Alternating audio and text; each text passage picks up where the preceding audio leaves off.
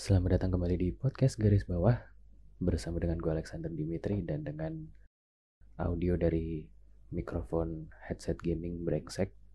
Karena karena mic gue yang biasa gue pakai buat podcast gue tinggal di Jogja. Dan buat dan belum sempat buat beli baru lagi lebih tepatnya belum ada duitnya buat beli baru lagi yaitu alasan alasan-alasan denial aja.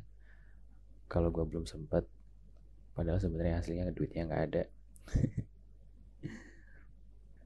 Jadi hari ini sebenarnya ini episode di mana gue merefleksikan diri gue ya sebenarnya episode-episode biasanya juga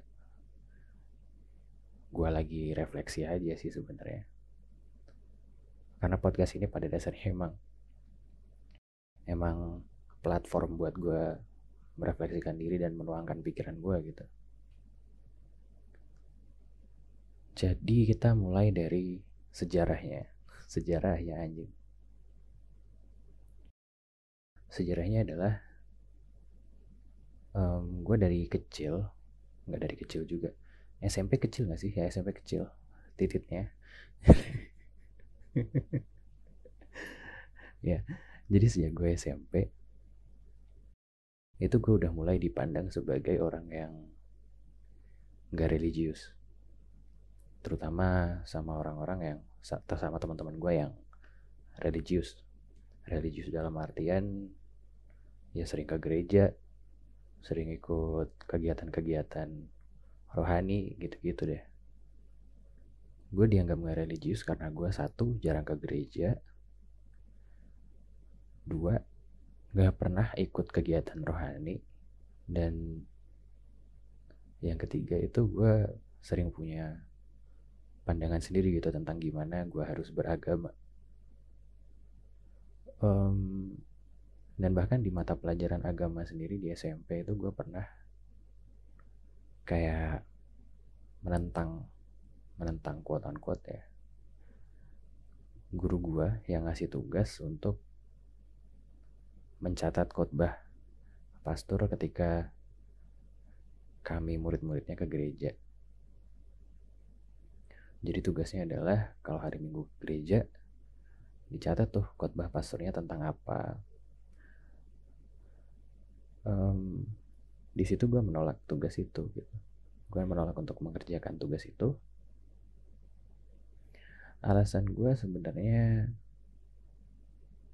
satu karena malas juga. Tapi malas gue tuh ada beralasan gitu. Ya gini loh. Gue udah jarang nih ke gereja. Sekarang tiap kali gue ke gereja gue harus masih ngurus tugas sekolah apa nggak makin malas tuh? Dan gue sadar gue jarang ke gereja dan itu bikin gue kayak kalau kalau gue udah jarang ke gereja gue pengen sekalinya gue ke gereja gue beneran ke gereja. Gue nggak lagi harus ngurusin yang namanya ya kehidupan duniawi gue gitulah dan tugas sekolah ini juga salah satu yang menurut gue duniawi aja. Uh, menurut gue itu hal yang apa ya? Lu datang lu datang ke gereja niat mau ibadah tapi lu masih uh, lu masih bawa tugas sekolah lu yang at the end of the day bakal jadi nilai bakal jadi angka dan pada akhirnya itu akan tertulis di rapot dan jadi barang duniawi. Buat apa? Jadi gue menolak dengan alasan itu. Bisa dilihat bahwa gue dari SMP emang sudah sangat uh, philosophical sekali. Tapi gue yang jelas pada masa itu gue yakin banget kalau gue bikin alasan itu bukan untuk melegitimasi bahwa gue males ngerjain tugas sekolah bukan karena itu tapi emang karena gue punya idealisme bahwa kalau gue berangkat ke gereja ya gue ke gereja gue ibadah gue nggak ngerjain tugas lagi. Itu waktu SMP dan waktu SMA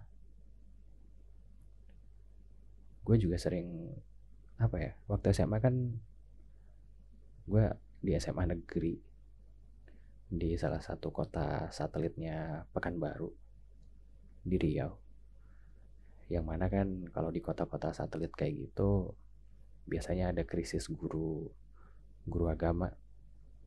Kristen Katolik ya pokoknya yang ada guru agama Islam aja gitu. Jadi murid-murid yang tidak beragama Islam di jam pelajaran agama itu keluar. Dan nanti pelajaran agama mereka diganti jamnya di hari Jumat kalau nggak salah Jumat atau Sabtu. Ya tergantung gurunya juga sih. Uh, jadi waktu kami ngumpul di luar itu gua Katolik sendiri waktu kelas 1 terutama. Ya kelihatannya gua Katolik sendiri waktu kelas 1 waktu kelas 2 baru ada temen gua Katolik satu atau dua ya gue lupa. Gue lupa jumlahnya dan waktu lagi ngumpul-ngumpul itu waktu si Kristen-Kristen ini ngumpul ya. Itu gue sering ngasih pandangan-pandangan gue insight-insight yang ada di kepala gue ke untuk jadi bahan obrolan. Dan ternyata banyak teman-teman gue yang malah ngelihat gue jadi kayak orang yang gak percaya Tuhan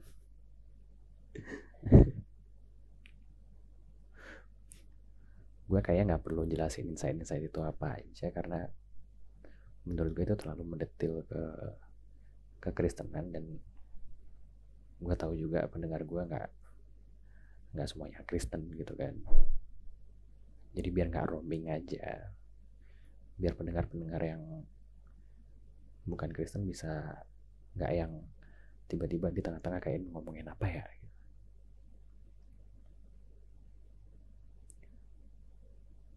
Dan itu berlanjut terus sampai kuliah.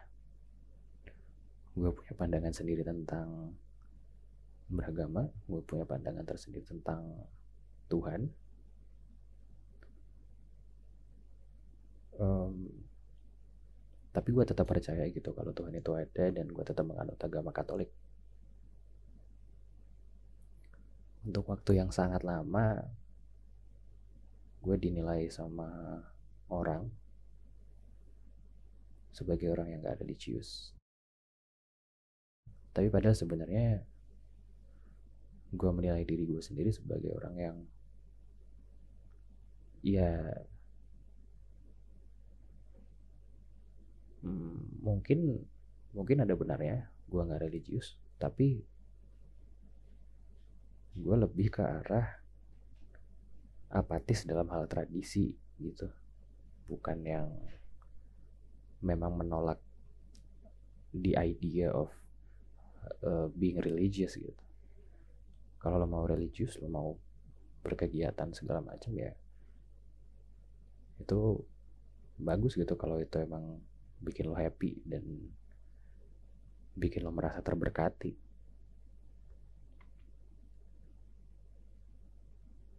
Tapi buat gue, gue punya alasan tersendiri buat nggak melakukan itu. Um, untuk dalam for, a, for a lack of better words, untuk menjauh dari tradisi-tradisi religius. Itu karena gue gak suka ketemu orang, ketemu orang baru terutama dan gue juga nggak suka yang namanya um, sesuatu yang berawal dari kemauan nanti ujung-ujungnya jadi kewajiban. Karena gue perhatiin banyak kegiatan-kegiatan rohani yang pada awalnya sekali dua kali datang itu berdasarkan kemauan. Tapi nanti lama-lama kalau lo nggak datang ya bakal dicariin orang. Bukan digosipin ya tapi dicariin aja gitu misalnya biasanya datang terus tiba-tiba nggak datang nanti ditanyain eh kenapa? E, kemarin kok nggak datang di acara ini? Dan orang-orang biasanya nggak bisa nerima jawaban ya nggak mau aja. Kok kalau lu jawab kayak gitu orang bakal kayak ah gak mau aja gimana sih? Padahal kan emang emang pada pada dasarnya kegiatan-kegiatan sosial kegiatan-kegiatan religius yang bersifat sosial itu kan nggak wajib tapi pada akhirnya akan terasa wajib lama kelamaan kalau lo sering ikut gue mungkin nggak ngalamin sendiri tapi gue lihat dari kakek nenek gue yang termasuk aktif dalam kegiatan-kegiatan religius di lingkungan rumah, di lingkungan gereja, gitu-gitu deh. Mereka sekali nggak datang bakal dicariin orang. Oh ini ke mana, itu ke mana. Untuk sekali dua kali, gue masih ngerasa oke. Okay. Maksudnya dalam artian gue pernah ikut acara rohani gitu di lingkungan rumah dan gue ngerasa ya nyaman gue ngerasa disambut dan gue ngerasa um, gue bisa paham kenapa orang enjoying the the occasion. Tapi menurut gue untuk datang di tiap kali ada acara kayaknya enggak deh. Ya semata-mata karena gue nggak mau aja. Jadi dalam waktu yang panjang itu gue ngerasa dengan hidup kayak gitu, dengan hidup jauh dari religiositas, ya walaupun gue tetap baca-baca um, tentang agama gue, tetap maksudnya pengetahuan gue tentang agama gue sendiri juga tetap ada gitu. Tapi untuk yang namanya berdoa tapi untuk yang namanya ke gereja itu gue jarang. Sampai akhirnya tadi malam eh nggak tadi malam juga uh, di suatu hari yang hangat suatu malam yang hangat di sebuah sudut kota Jakarta. Gue lagi pengen tidur dan gue lagi nyari-nyari podcast sebenarnya. Nyari-nyari podcastnya Jordan Peterson. Tapi gue pada akhirnya malah dapet um, kumpulan lagu rohani Katolik. Out of nowhere aja gitu ada barangnya di situ terus ada gue lihat di thumbnailnya itu kan dia kayak kompilasi lagu gitu. Di thumbnailnya di ditulisin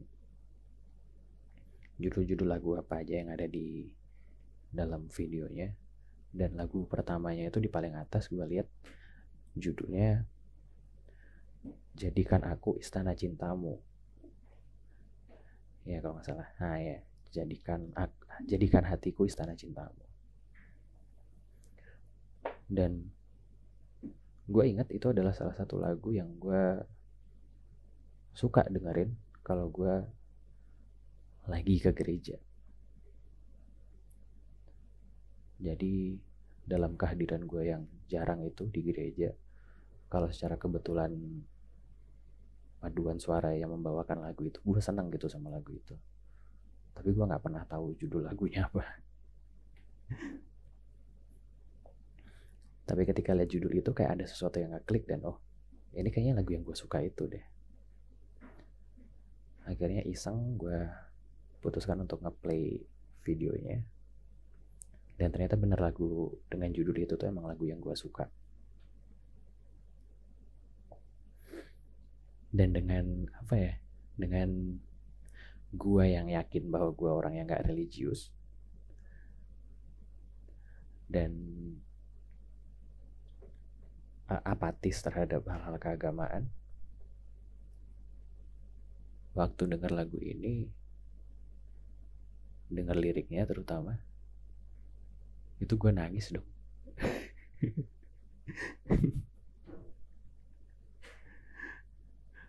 tiba-tiba aja mata gue berasa panas berair gitu. Eh gue nangis dong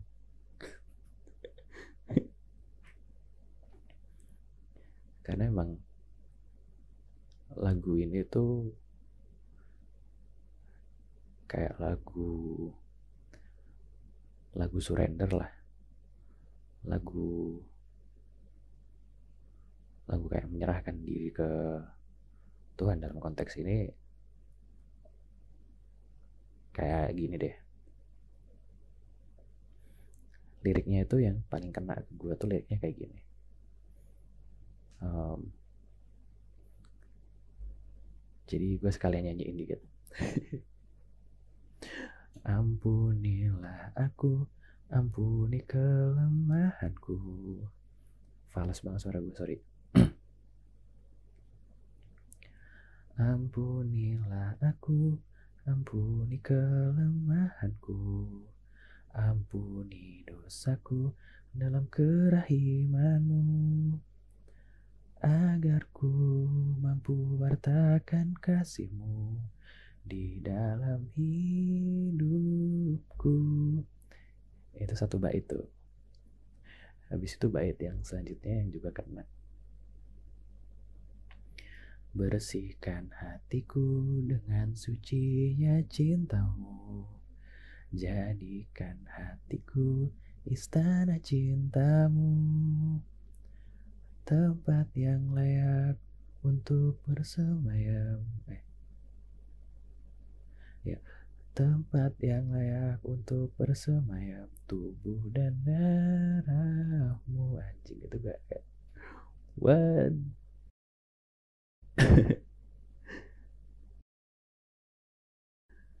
gue denger itu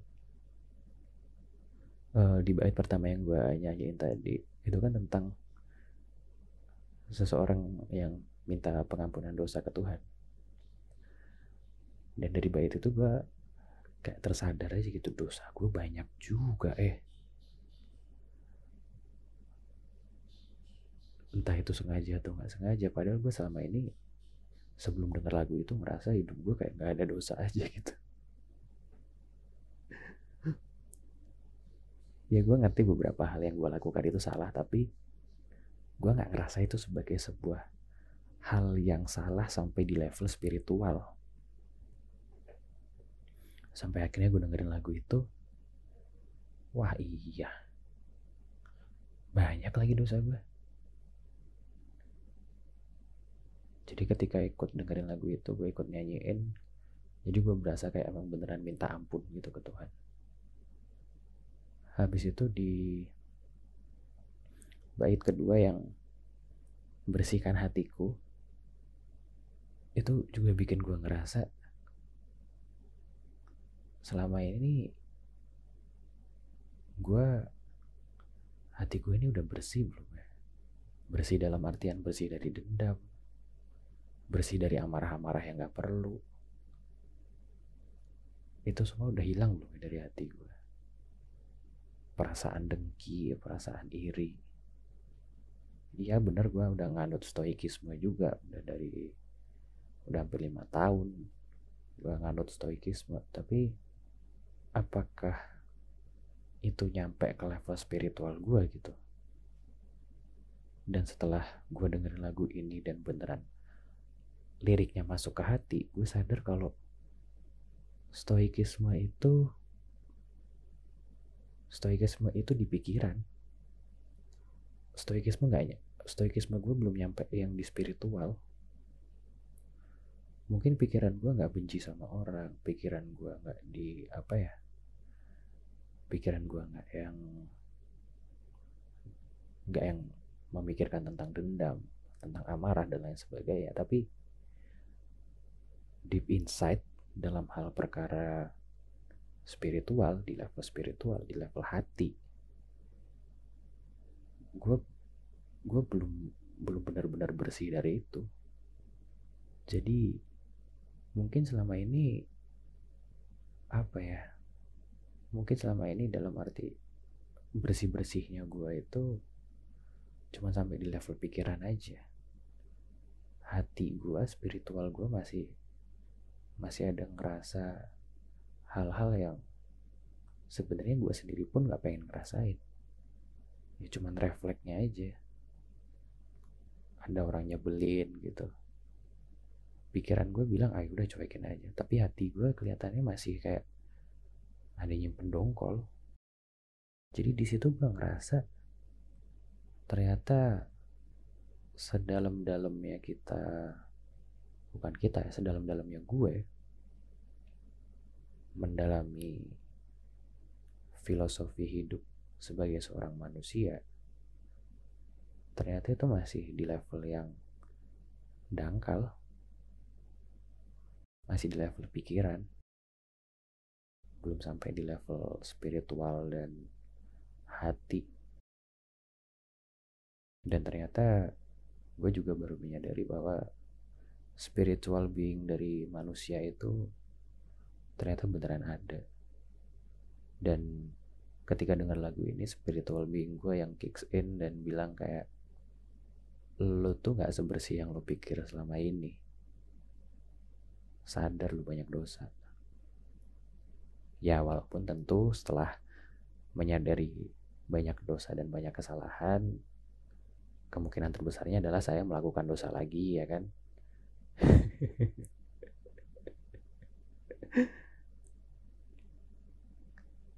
karena memang secara filosofi dari agama gue sendiri kan memang Yesus sendiri pernah bilang bukan orang sehat yang perlu tabib tapi orang yang sakit. Begitu juga anak manusia datang bukan untuk orang yang suci melainkan bagi mereka yang berdosa. Jadi ya mungkin sampai situ aja. Ini udah 23 menit. Karena gue rasa kalau gue ngomongnya dilanjutin bakal gue bakal benar-benar ngeluarin pengetahuan Alkitab gue di sini. Pengetahuan yang gak seberapa itu. Jadi terima kasih udah mendengarkan. Semoga nyaman dengerin ya gue bakal berusaha untuk edit audionya sebagus mungkin. Ya udah sampai jumpa di episode selanjutnya. Um, sehat selalu dan jangan lupa minum air putih